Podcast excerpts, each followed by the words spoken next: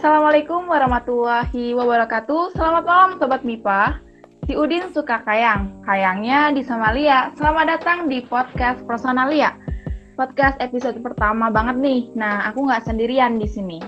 Aku ditemani si AA. Pasti semuanya udah pada tahu lah ya siapa sih si AA ini.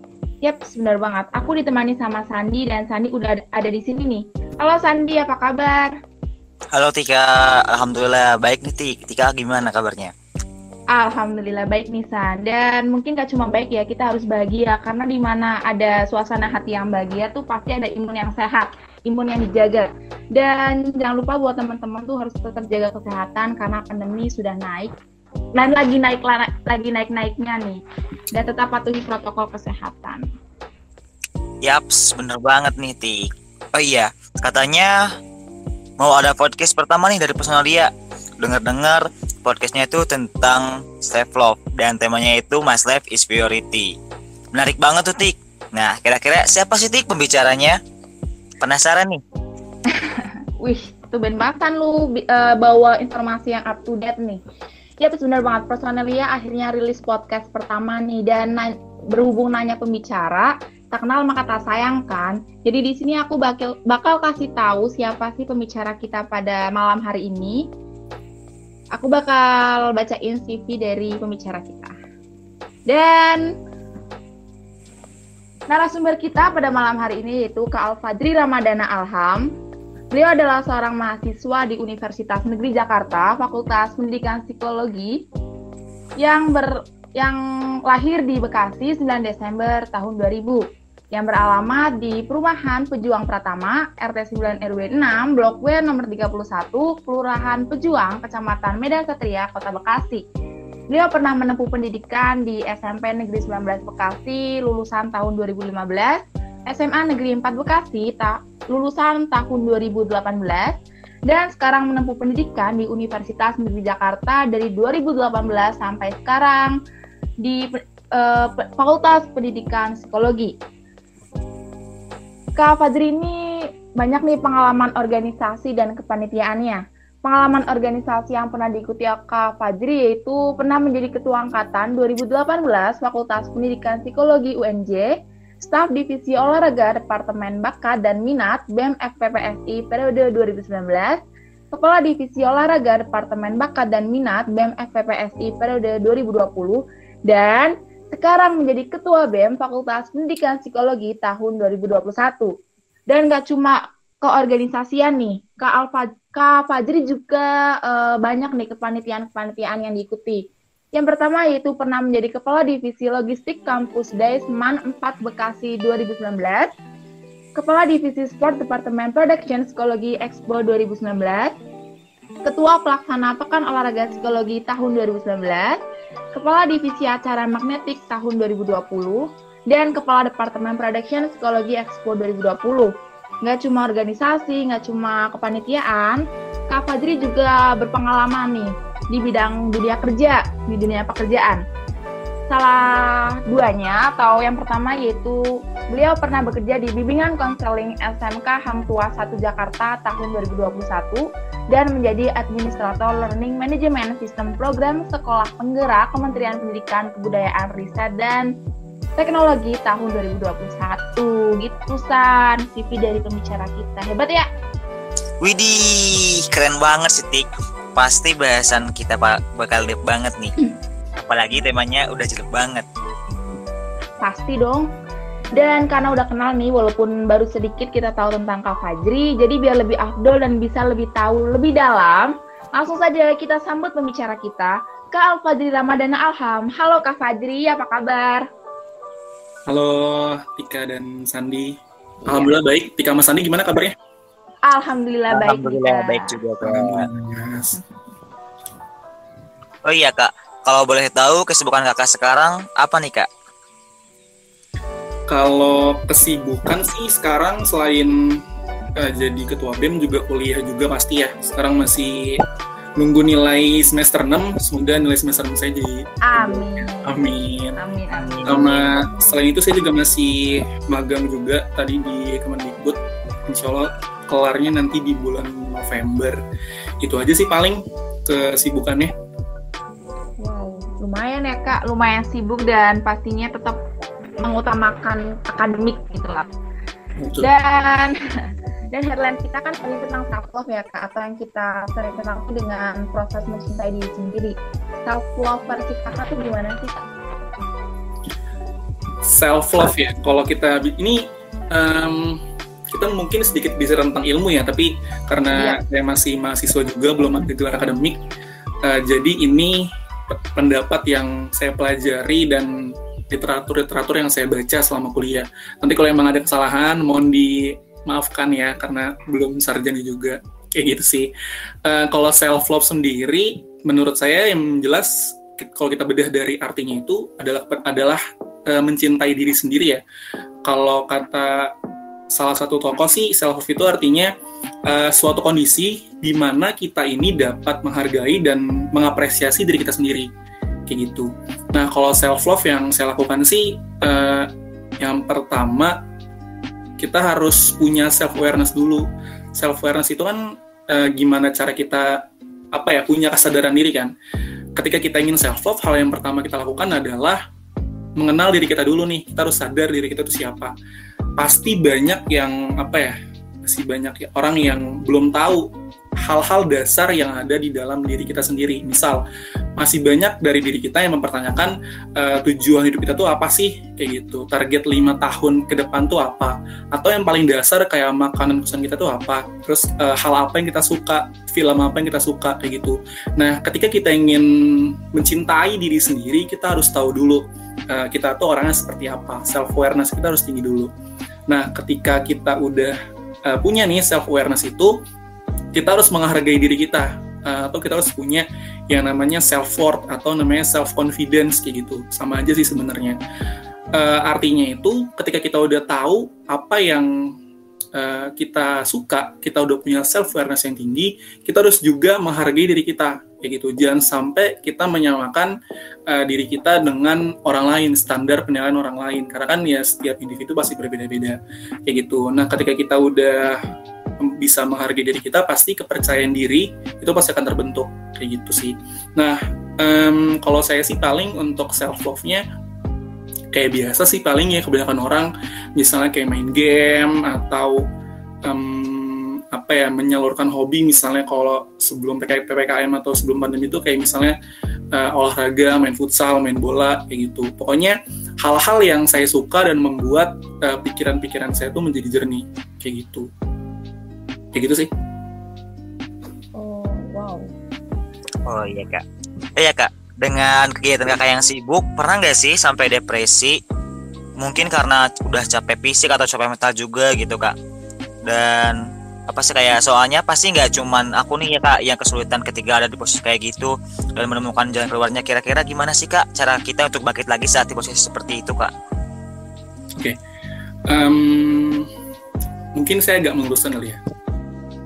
Depresi itu nggak semua orang pasti punya kayak gitu. Makanya saya agak sebel sebenarnya kayak banyak di Twitter atau di media sosial yang bilang kayak ah gue depresi nih atau ah gue lagi ada gejala-gejala depresi kayak gitu. Apalagi sampai orang-orang yang uh, apa ya self apa ya namanya ya, yang menyimpulkan diri dia tuh lagi depresi kayak gitu. Itu sebenarnya salah banget dan itu sebuah apa ya sebuah hal yang tidak disukai atau terlarang lah ibaratnya di ilmu psikologi depresi itu kan sebuah uh, gangguan mental itu udah termasuk gangguan mental yang berat gitu. Kalau kita misalnya lagi stres karena tugas, itu bukan depresi, itu hanya sebatas uh, stres aja, kayak gitu. Lagi banyak pikiran aja, lagi banyak kerjaan aja. Nggak semua hal uh, ketika kita lagi stres, ketika kita lagi sedih, atau misalnya kita lagi patah hati dan lain-lainnya, itu langsung uh, kita simpulkan jadi depresi, kayak gitu. Itu sebenarnya nggak bisa kayak gitu. Hmm, paling sih ya, ketika saya lagi sedih, lagi patah hati atau lagi banyak pikiran dan lain-lain, bisa lagi di titik terburuk lah ya. Yang pertama, uh, yang sering saya dengar juga dari dosen-dosen alumni saya, ketika kita sedang capek, ketika kita sedang jenuh, ketika kita sedang tidak baik-baik saja dalam tanda kutip, itu minta pertolongan. Kayak gitu. Minimal istirahat dulu aja. jangan sampai kita ngambil uh, kesimpulan yang membuat uh, pikiran-pikiran uh, negatif itu semakin muncul kayak gitu misal kita lagi misal lagi banyak tugas nih lagi stres tugas banyak banget nggak habis habis pasti ada saatnya kita lagi down kita lagi capek kayak gitu jangan sampai um, apa ya pikiran-pikiran negatif itu terus menguasai kita kayak gitu atau kita lagi patah hati dan lain-lainnya cari aja orang kayak gitu uh, seminimalnya kita bercerita lah ke orang kita keluh kesahkan atau kita um, bersender, aduh bahasa bersender ya, bersender ke orang lain. Kayak gitu. Menurut saya sah-sah aja ketika kita uh, sebagai manusia biasa, ketika sedang tidak baik-baik saja, kita meminta bantuan orang lain. Minimalnya kita ngasih tau lah apa yang lagi kita hadapin, kayak gitu.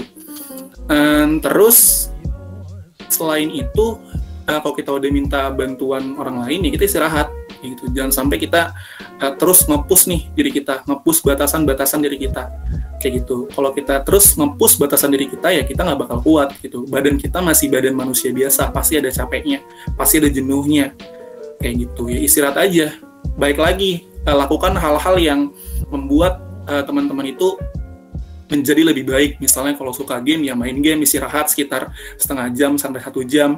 Atau misalnya lagi capek, lagi stres, sukanya uh, misalnya make up ya udah lakuin aja apa yang kalian suka. Seenggaknya pikiran-pikiran negatif atau rasa capek kalian itu uh, bisa apa ya bisa terhilangkan lah atau bisa terminimalkan lah uh, barangkali.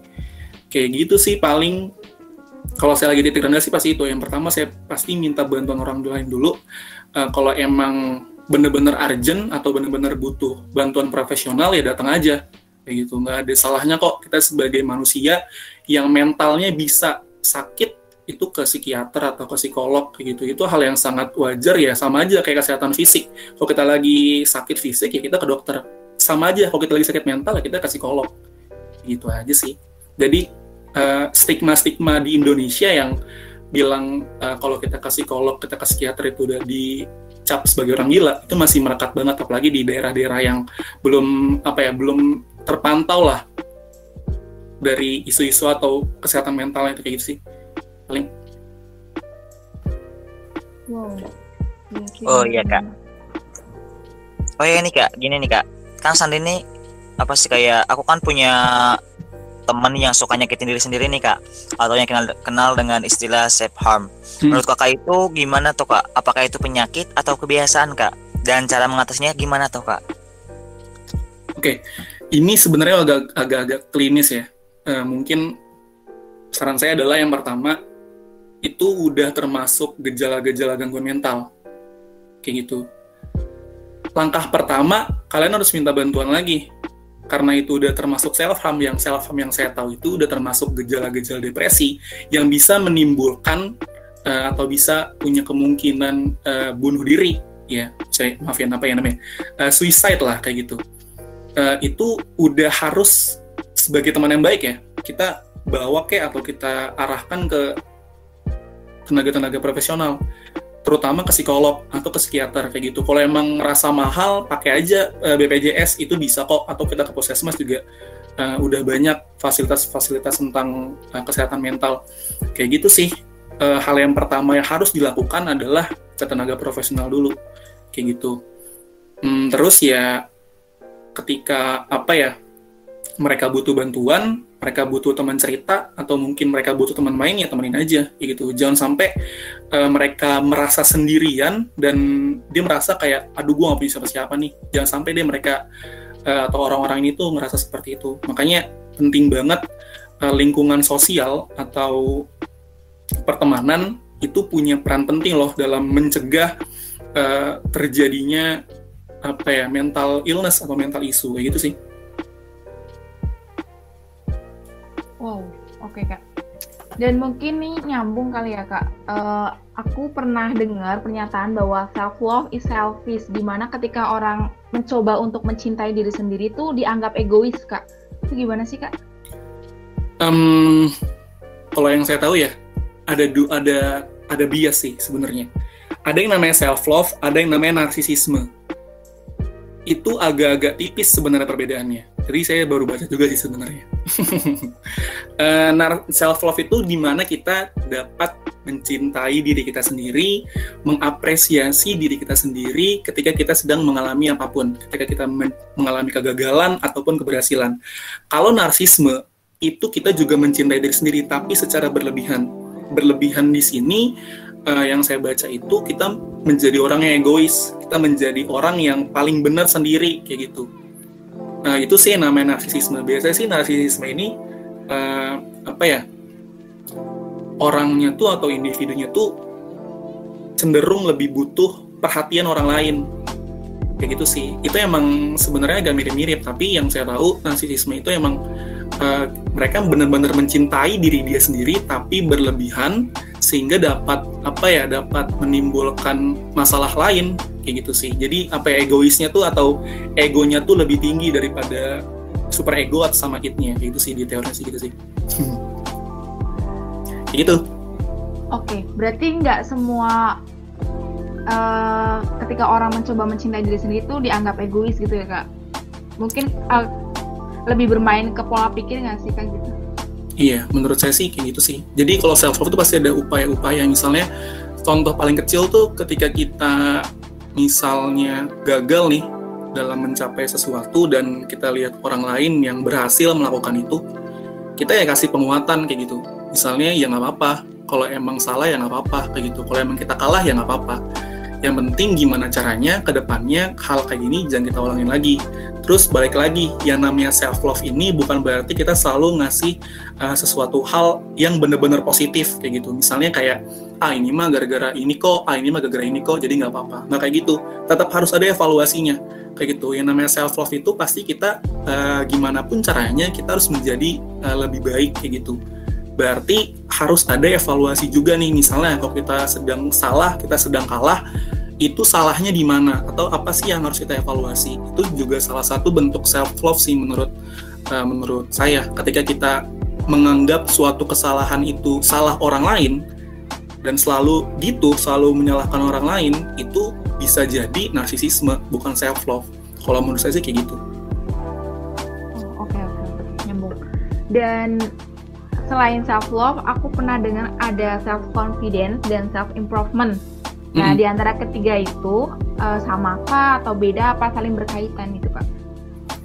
Kalau yang saya baca sih dan yang saya pelajari juga itu termasuk ke self love sih. Dan bukan termasuk juga sih apa ya saling berkaitan lah istilahnya. Tadi sih yang saya bilang ketika kita ingin self love dan kita sudah melakukan itu pasti self confidence kita atau apalagi tadi self improvement ya self improvement kita ya, itu juga meningkat kayak gitu itu udah otomatis sih ketika kita mencintai diri kita sendiri pasti ada hal-hal yang kita perbaiki dan ada hal-hal uh, di diri kita yang positif itu yang kita apresiasi. Nah, dari hal yang positif itu yang bisa meningkatkan self confidence kita atau bisa meningkatkan self uh, improvement kita kayak gitu. Self confident kan itu artinya kepercayaan diri ya. Itu rata-rata sih kepercayaan dirinya itu yang berkaitan dengan eksternal yang di luar diri kita. Misalnya uh, individu yang mempunyai self confidence yang tinggi atau yang baik itu pasti mereka uh, siap nih ketika mereka uh, apa ya mendapatkan tantangan-tantangan baru atau persoalan-persoalan yang baru kayak gitu atau hal-hal yang belum pernah uh, dia lakukan setelah apa ya sebelum-sebelumnya kayak gitu. Dan dia pasti bertanggung jawab uh, atas semua itu. Kalau self improvement kan kayak apa ya ibaratnya tuh kayak upaya upaya yang kita lakukan untuk diri kita menjadi lebih baik kayak gitu. Itu menurut saya masih apa ya masih berkaitan dengan self love yang di mana uh, isinya self love itu itu ketika kita mencintai diri kita pasti ada hal-hal yang evaluasi untuk dari kita tuh menjadi lebih baik kayak gitu. Dan pasti self confidence dan self improvement self esteem dan self worth itu pasti akan meningkat juga secara otomatis. Kayak gitu sih menurut saya sih. Oke. Okay berarti saling berpacu gitu ya kak? Kayak mm. saling berkaitan muter pasti kayak gitu. Iya tuh. Sandi katanya mau nanya Sandi. Oh iya baik dik. Ini gimana? Ini gini nih kak. Sandi kan tipe orang yang kayak enakan nih kak ke orang gitu. Kayak lebih mikirin orang lain dan apa sih kayak mengabaikan kepentingan sendiri gitu sih kak. Nah dan Sandi juga masih susah nih buat mencintai diri, mencintai diri sendiri kak. Apakah sikap nggak enakan ini apa sih kayak salah satu salah satu faktor buat kita susah untuk mencintai diri sendiri? Kayak dan selain sikap itu ada faktor lain nggak kak? Kayak gitu kak. Hmm. gak enakan tuh kayak gimana san? Contohnya san kayak sikapnya kayak misalkan apa sih kayak kita tuh lagi ada kesibukan nih tapi ada orang lain yang ngajak gitu kita, karena kita nggak enak ya kita ngikut gitu ngikut mereka gitu sih kak sama sih ya aku juga gitu Uh, iya sih itu agak susah sih ya karena kalau kita tolak juga nanti kita dicengin ya. Iya. Iya iya kak. Dikira sombong. Hmm, dikira so asik kayak gitu. So asik. Uh, saya juga sering sih apa ya pasti kayak kayak semua orang ya pasti pernah seenggaknya mengalami gak enakan kayak gitu. Kalau menurut saya sih ketika kita masih mampu dan hal itu baik buat kita ya nggak apa-apa, gitu lakuin aja tapi ketika udah di luar batas kita dan itu mendesak, nggak ada salahnya kok kalau kita bilang enggak pada orang lain. Kayak gitu. Hmm, misalnya kita lagi lagi pusing nih mikirin tugas. Dan pasti banyak ya teman-teman kita ya udah main dulu kayak gitu. Nongkrong dulu sih kayak gitu. Tugas nanti aja kayak gitu. Hmm, kalau emang teman-teman merasa itu nggak apa-apa ya ngelakuin aja. Kalau teman-teman mampu menyelesaikan tugas itu nanti ya nggak apa-apa.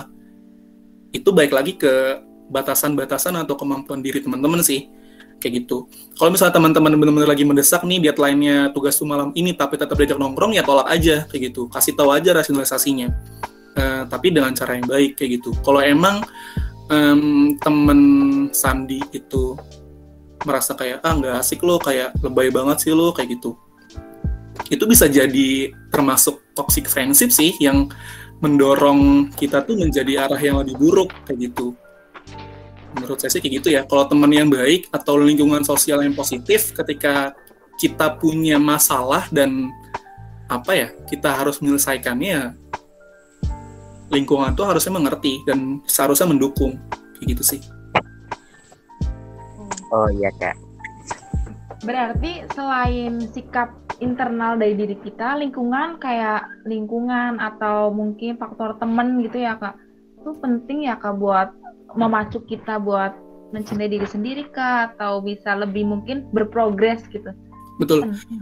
Banyak kasus kayak gini sih sebenarnya. Um, banyak ya orang yang misalnya di TikTok atau di media sosial tuh yang kontennya tuh mohon maaf ya kayak misalnya joget-joget nggak jelas hmm. atau bikin konten-konten misalnya make up make up padahal uh, apa ya make upnya nggak terlalu bagus dan lain-lainnya pasti banyak dari kita. Mungkin saya juga pernah melakukannya dulu. Kayak menjudge uh, ngata-ngatain komen-komen yang nggak jelas kayak gitu. Itu sebenarnya manusiawi kayak gitu. Tapi kalau kita sadari siapa tahu itu bentuk self love-nya mereka. Itu bentuk mereka tuh mencintai diri kita mencintai dirinya sendiri kayak gitu. Itu sih yang sebenarnya pola pikir yang harus dirubah menurut saya eh, di masyarakat Indonesia sih terutama kayak remaja-remaja lah ya. Kayak gitu. Makanya banyak orang yang apa ya menyuarakan isu kesehatan mental kayak um, sering-sering ngepost ngepost kayak quote-quote yang bagus, quote-quote yang menyemangati diri sendiri, tapi hal dasar itu aja mereka masih belum tahu kayak gitu. Apa ya, kayak misalnya nih jujur saya nggak main TikTok, saya agak sebel dengan orang-orang yang bikin konten-konten yang nggak jelas itu. Tapi saya nggak pernah nggak pernah bilang sefrontal itu. Nggak pernah kayak apaan sih lo ini nggak jelas kayak gitu. Nggak pernah saya, saya kayak gitu. Paling ya udah saya simpan diri saya simpan ke diri sendiri saya aja kayak gitu. Jangan sampai kata-kata satu kalimat yang menurut saya itu bagus atau itu suatu opini itu bisa merubah hidup orang kayak gitu. Jangan sampai kayak kita ngejudge orang lain yang siapa tahu itu bentuk self love-nya, bentuk uh, mereka mencintai diri mereka sendiri, jadi menganggap bahwa itu tuh salah kayak gitu.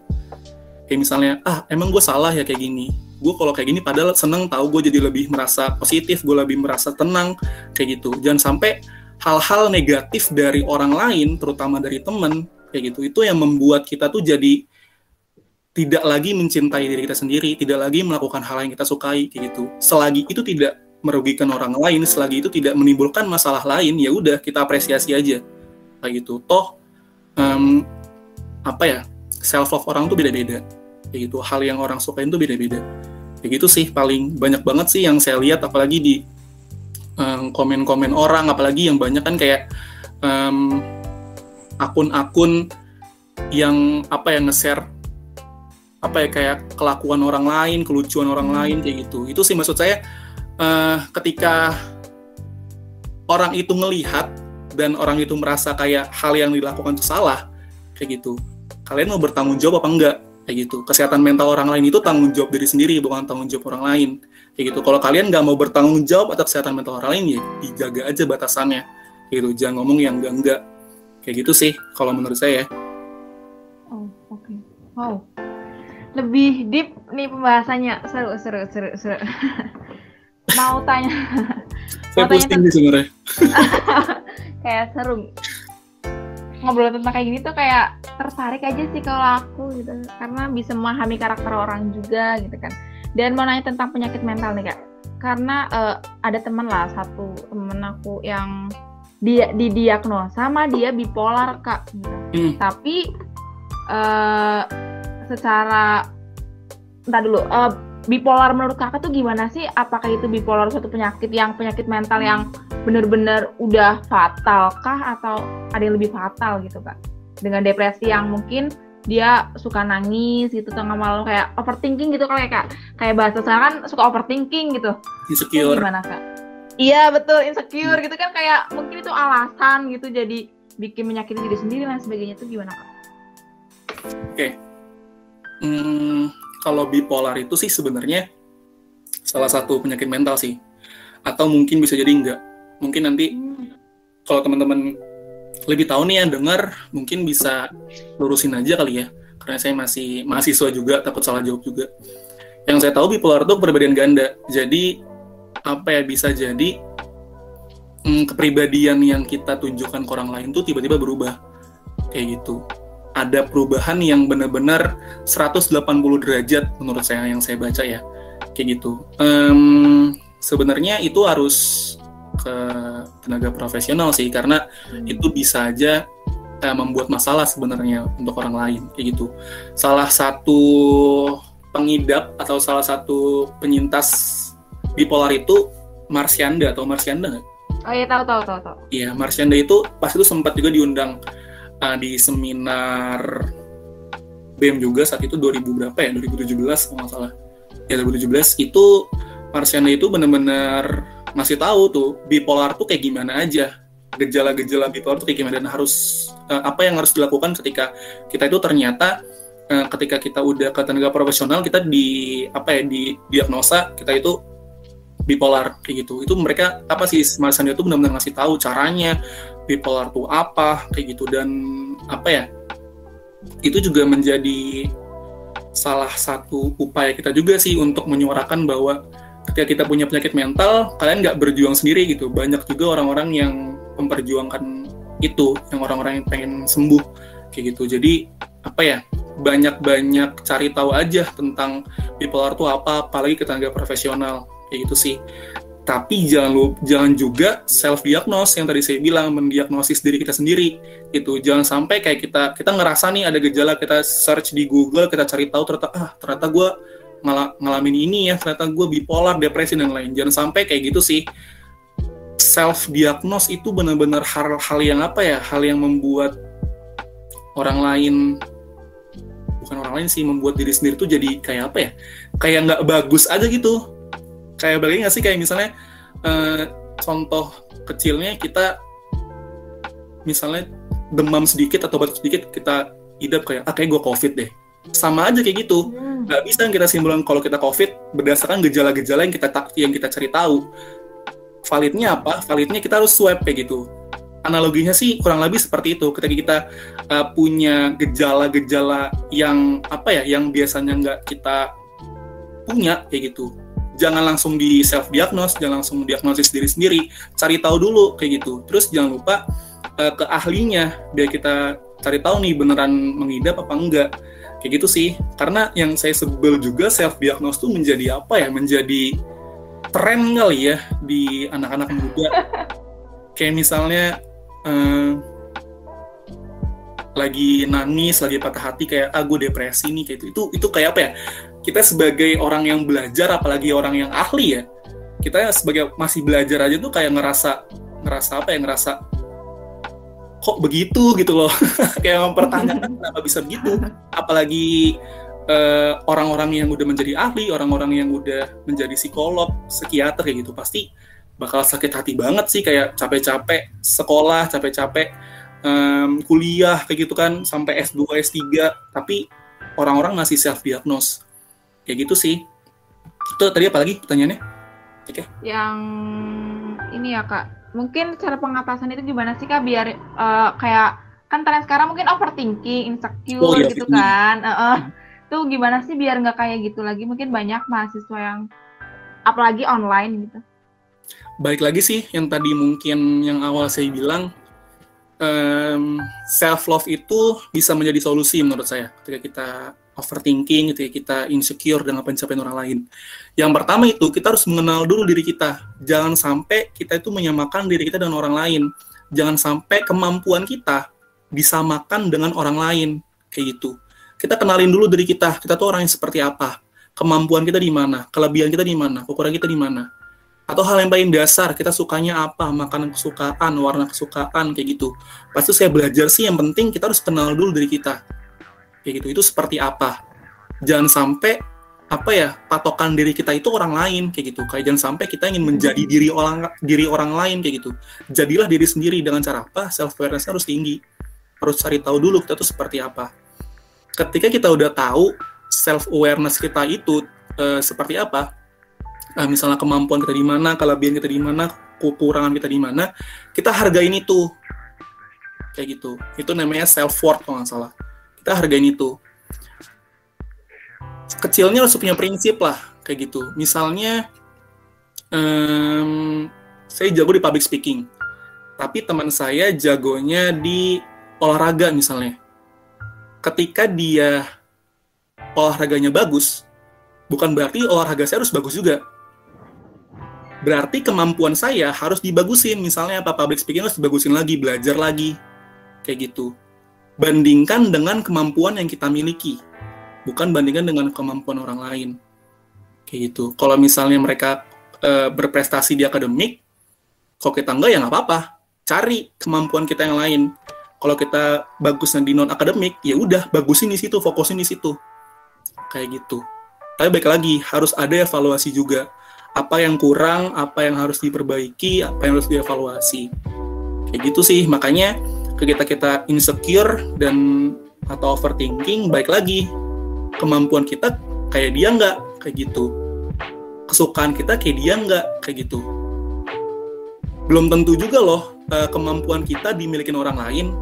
Coba dibalikin aja gitu. Ketika dia pinter misalnya dia sukses di bidang apa di bidang A misalnya tapi kita pinter di bidang B ya udah berarti kita fokusin sukses di bidang B gitu. Belum tentu orang lain ini fokus apa ya pinter di bidang B juga.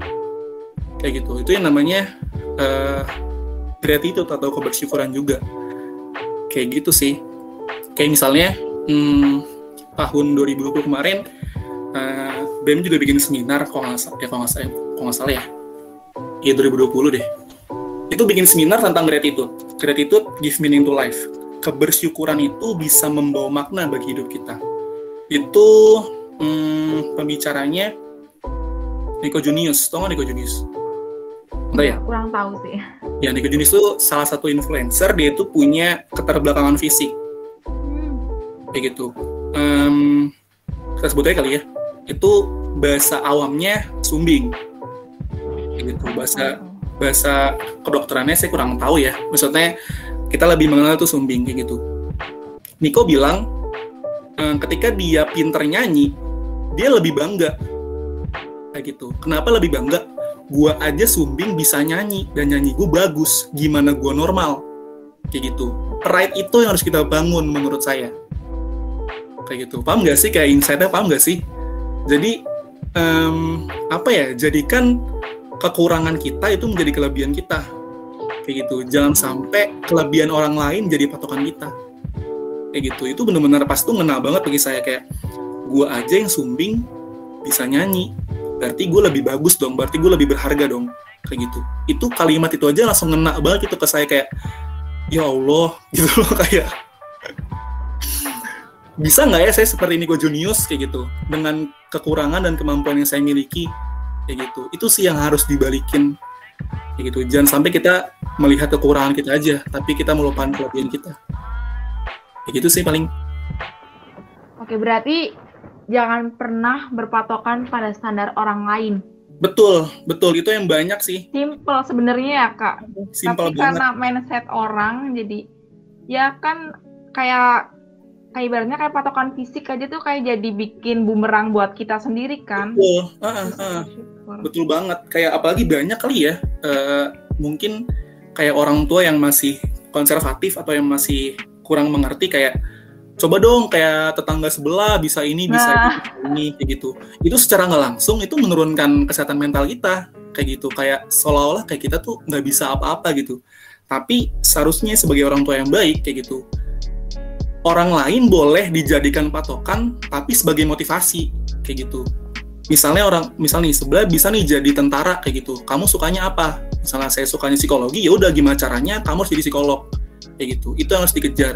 Jangan sampai orang lain jadi tentara kayak ya udah kamu jadi tentara bisa nggak kayak ini kayak tetangga sebelah kayak gitu. Jangan sampai kayak gitu sih kayak gitu. Tapi banyak kali ya karena mungkin nggak bisa disalahin juga karena mungkin orang tua kita hidup di apa ya zaman yang nggak semaju sekarang kali ya. Jadi masih uh, kurang mengerti dan masih harus diedukasi kayak gitu sih intinya tadi simpel jangan sampai patokan orang lain menjadi patokan kita buat patokan diri kita sendiri dengan kemampuan sama uh, kekurangan yang kita miliki gitu sih paling wow the best the best the best dan jangan pernah fok uh, jangan terlalu difokusin pada kelemahan kita karena buat Betul. kelemahan itu semakin kuat ya Betul. kayak malah jadi kekuatan biar hmm. kelemahan itu semakin mendominasi.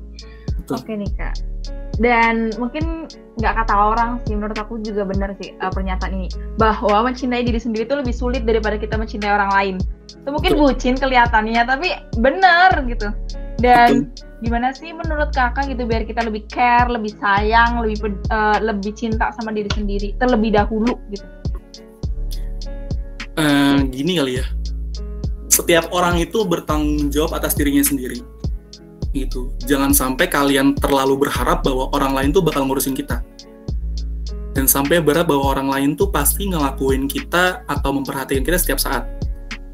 Gitu. Yang bisa uh, mencintai yang bisa mengetahui diri kita lebih banyak itu diri kita sendiri. Kayak gitu. Sedekat apa pun kalian dengan orang yang kalian sayang, orang tua, teman, pacar, pasangan dan lain-lain, yang lebih mengenal diri kita ya kita sendiri, kayak gitu. Jadi, um, tadi apa sih pertanyaannya lupa? masih di masih di ya? Oke, okay, sorry. Uh, biar kita lebih care, lebih sayang, lebih, lebih cinta sama diri sendiri terlebih dahulu gitu melupakan sisi egois kita lah gitu lah oke okay. biar nggak terlalu fokus sayang sama orang doang hmm. um, ini kalau nggak salah jadi salah satu teorinya sih. Ketika kita punya self love yang tinggi ketika kita sudah bisa mencintai diri kita sendiri, pasti hubungan kita dengan orang lain tuh lebih baik. Gitu pasti uh, apa ya komunikasi kita dengan orang lain lebih baik. Karena kita ketika berhadapan dengan orang lain kesejahteraan mental kita tuh udah bagus. Kayak gitu. Makanya kayak uh, toxic relationship ya gitu ya paling ya istilah-istilah kerennya ya. toxic relationship itu uh, bisa jadi toxic itu mungkin karena kita tuh masih belum mengenal diri kita kayak gitu kita masih dikontrol sama orang lain patokan kita tuh masih orang lain makanya banyak kan kayak pasang-pasangan tuh yang menuntut kamu kayak ini dong kamu kayak ini dong kayak gitu itu benar-benar kayak kayak apa ya? agak posesif nggak sih? Uh, itu relate banget. mm, itu membuat apa ya? Membuat diri kita tuh bukan menjadi diri kita lagi kayak gitu. Kalau kalau pasangan kita tuh sayang sama orang yang dia mau, ya udah sayang aja sama dia kayak gitu. Jangan sampai sayang sama kita tapi patokannya orang lain kayak gitu. Kalau patokannya menjadi motivasi bagus kayak gitu tapi kalau sayang itu menjadi perbandingan itu yang udah nggak bagus kayak gitu membuat kita tuh jadi nggak bisa mengenal diri kita sendiri membuat kita nggak mencintai diri kita sendiri. Kayak gitu sih uh, menurut saya. Contohnya kayak misalnya kita jago kita suka main game. Main game itu membuat kita tuh menjadi lebih positif membuat kita tuh menjadi lebih tenang lebih rileks lebih apa ya pikiran-pikiran negatif itu terganggu gitu. Tapi kalau pasangan kita nggak suka kita main game sama sekali kayak gitu. Kayak misalnya uh, bikin belajar jadi terganggu lah jadi waktu sama pacar terganggu lah kayak gitu secara nggak langsung sedikit demi sedikit itu membuat kita tuh nggak bisa lagi mencintai diri kita. Kita self awareness kita tentang diri kita tuh menjadi lebih sedikit gitu. Karena baik lagi kita dilarang-larang atau seenggaknya apa ya dikendalikan lah patokan orang lain tuh menjadi patokan kita gitu. Jangan sampai seperti itu sih kayak gitu. Makanya kalau ada pasangan kayak gitu kayak bucinnya berlebihan sampai bener-bener dikontrol itu udah udah hubungan yang gak sehat sih. Sekuat apa pun kalian bertahan kalau nggak nggak bakal berubah masing-masing ya ujung-ujungnya pasti pasti selesai. Itu sih pengalaman pengalamannya pengalamannya sungguh relate bagi kita semuanya tapi emang bener sih kak. Kayak relation eh toxic relationship tuh kayak justru pasangan kita yang bikin kita kayak nggak bisa mencari jati diri atau nggak bisa mencintai diri kita sendiri kayak kan? Karena kita patokannya kayak emang gua sayang sama lu ya lu harus nurutin eh uh, ya kayak gitu harus nurutin pasangan kita gitu. Padahal yeah. toxic banget sih posesif mm -hmm. gak sih? Oh my god. Apalagi punya apa ya apalagi pasangan kita tuh punya standar yang nggak mungkin kita punya gitu loh iya betul itu benar-benar ya udah mending dilepas aja daripada nanti kesehatan mental kalian terganggu, terganggu. oke okay. Sandi gimana Sandi? Wow iya iya benar-benar deep sekali ya bahasan kita kali ini. Ternyata diri kita tuh jauh lebih butuh perhatian kita ya. butuh banget. Dan itu tadi sering terjadi di kota-kota besar ya. Gak cuma di kota besar sepertinya loh kak. Di sini juga sering terjadi seperti itu. Gak gak melihat entah itu di mana, entah di kota, entah di desa. Iya betul. Iya, uh, bener banget sih karena benar-benar kita tuh harus lebih sayang sama diri sendiri dan orang kita sendiri aja belum sayang ya belum cinta sama diri sendiri gimana mau sayang dan cinta sama orang lain kayak omongan sayang dan cinta sama orang itu kayak bullshit banget gak sih kalau sama diri sendiri aja nggak sayang bahkan nggak dijaga Betul. Setuju, setuju. Aduh, aduh, aduh. Curhat ya, Bun. kita, semua, kita semua pernah ngalamin itu kali ya. Iya, iya. Ya, mungkin nggak pernah sih. Malu jadinya. Kayak kita tuh benar-benar tersadarkan dan tertampar akan kenyataan bahwa sikap gak enakan sama orang tuh bisa jadi bumerang buat diri kita sendiri sih. Iya betul. Iya, ya benar sih. Sikap gak enakan tuh juga faktor lingkungan, pasangan, bahkan keluarga juga pengaruh sih buat kesehatan mental kita. Apalagi dengan perbandingan orang tua ke kita tuh kayak dari kecil kayak dibanding-bandingkan sama anak tetangga lah berarti kan udah di push biar kita tuh nggak bersyukur sama diri sendiri yeah, gitu. betul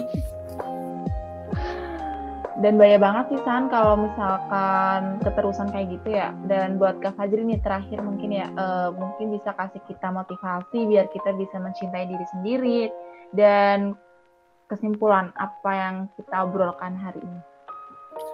Oke. Okay.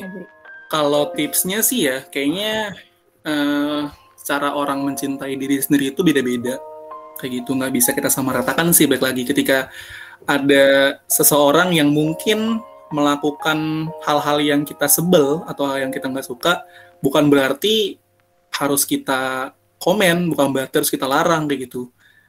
Mungkin itu salah satu cara untuk mereka tuh mencintai diri sendiri kayak gitu. Makanya uh, apa ya kayak apa ya daripada kalian mentingin orang lain ya introspeksi dulu aja dari kita gitu. Jangan sampai apa ya kita ikut campur tangan kesehatan mental orang lain tapi kesehatan mental kita tuh masih masih belum baik-baik aja kayak gitu sama um, baik lagi self love itu pasti dimulai dari self awareness ketika kita mau mencintai diri kita, ketika kita mau mengapresiasi diri kita, yang paling penting kita harus mengenal dulu, mengenal dulu diri kita tuh seperti apa. Apa yang kita suka, kemampuan kita apa, positif dari kita tuh apa, kelebihan eh kekurangan kita tuh apa, kayak gitu. Itu yang harus diidentifikasi dulu, kayak gitu. Jangan sampai tiba-tiba langsung self love, nggak nggak ada, ada tahapan-tahapannya juga, kayak gitu. Banyak sebenarnya literatur-literatur tentang self love nanti mungkin bisa dibaca aja kayak gitu tentang self love caranya itu seperti apa aspek-aspeknya ada apa aja.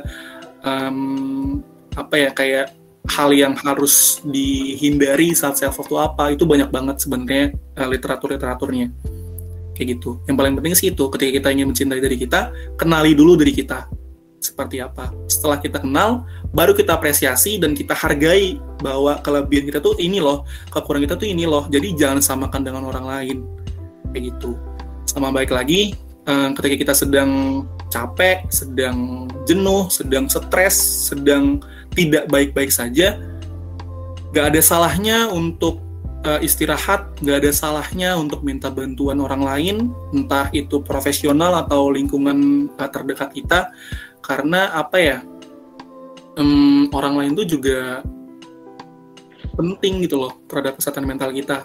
Tapi baik lagi yang dapat mengenal kesehatan mental kita tuh ya kita sendiri.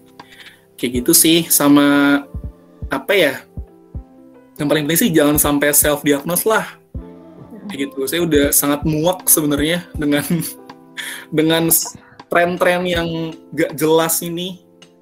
Yang kayak ah kayak gue depresi dan lain-lain. Kayak kalau orang yang penyintas beneran itu ngelihat itu bisa bisa apa ya bisa tertawakan. Iya kayak ya Allah gua aja tuh mau keluar loh dari frekuensi ini kenapa lu mau? Kayak gitu loh itu tuh sebuah keanehan kayak gitu. Kesehatan mental tuh bukan sebuah tren tapi sebuah uh, isu yang harus diperjuangkan.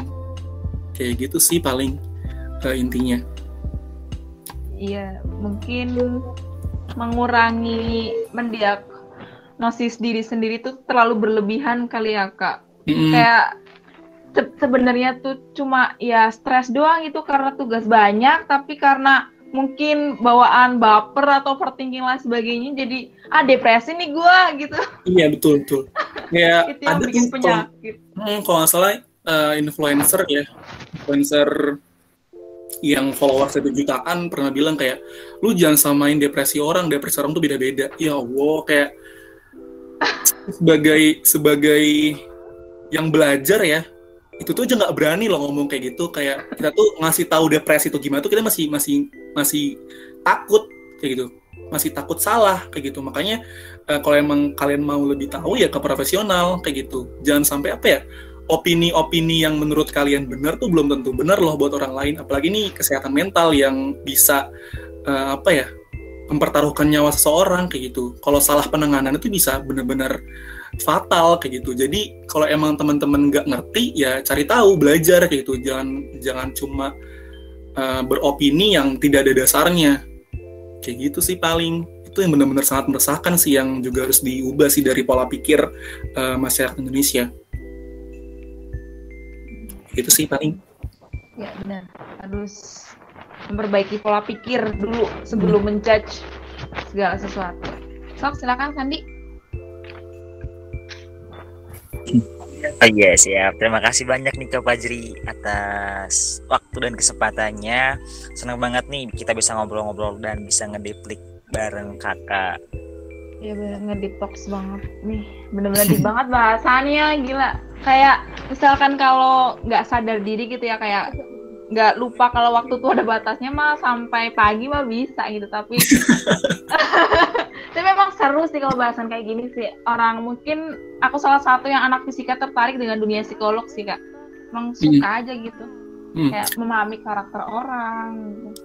tapi ini tahu um, kalau menurut saya sih ya ini menurut saya bukan bukan sebuah ilmu ya Apa? orang masuk psikologi tuh ada dua tipe Oh, gimana tuh? Yang pertama tuh tipe yang dia tuh benar-benar suka dengan keunikan manusia, kayak dia suka dengan uh, apa ya masyarakat kayak gitu, dia suka dengan apa yang mempelajari tentang dirinya tuh kayak gimana kayak gitu. Satunya lagi tuh orang yang pengen berobat jalan. Oh, sekalian. iya berjalan tuh kayak sekalian uh, daripada kita bingung kita tuh harus kayak gimana kita belajar aja kayak gitu kayak gitu sih itu yang yang saya tahu sih dari teman-teman saya sih pasti uh, cuma ada dua tipe itu kayak gitu sih uh, berarti antara emang tertarik sama hmm. kalian uh, mungkin sambil belajar. Tapi emang sadar diri bahwa ada salah satu mungkin penyakit mental yang kita punya. Jadi mungkin gengsi kali ya berubah jadi ah udah sekalian uh, belajar aja gitu biar bisa hmm, biar sekalian tahu kayak gitu. Tapi iya, tetap aja sih kalau emang udah ngerasa gitu ya nggak ada salahnya iya. untuk tenaga profesional. Psikolog juga udah murah-murah kok sekarang apalagi di puskesmas juga udah udah ada setiap puskesmas bisa pakai DPJS juga. Jadi kalau ada alasan ah mahal ah dan lain-lain ya itu udah alasan yang nggak bisa terima sih. Pesan. Dan sayangnya banget sayangnya sayang banget nih pembicaraan kita udah mau berakhir.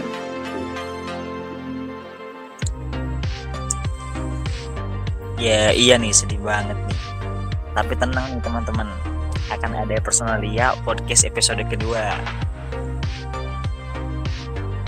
di mana temanya gak kalah menarik dari yang pertama. Yap, bener banget.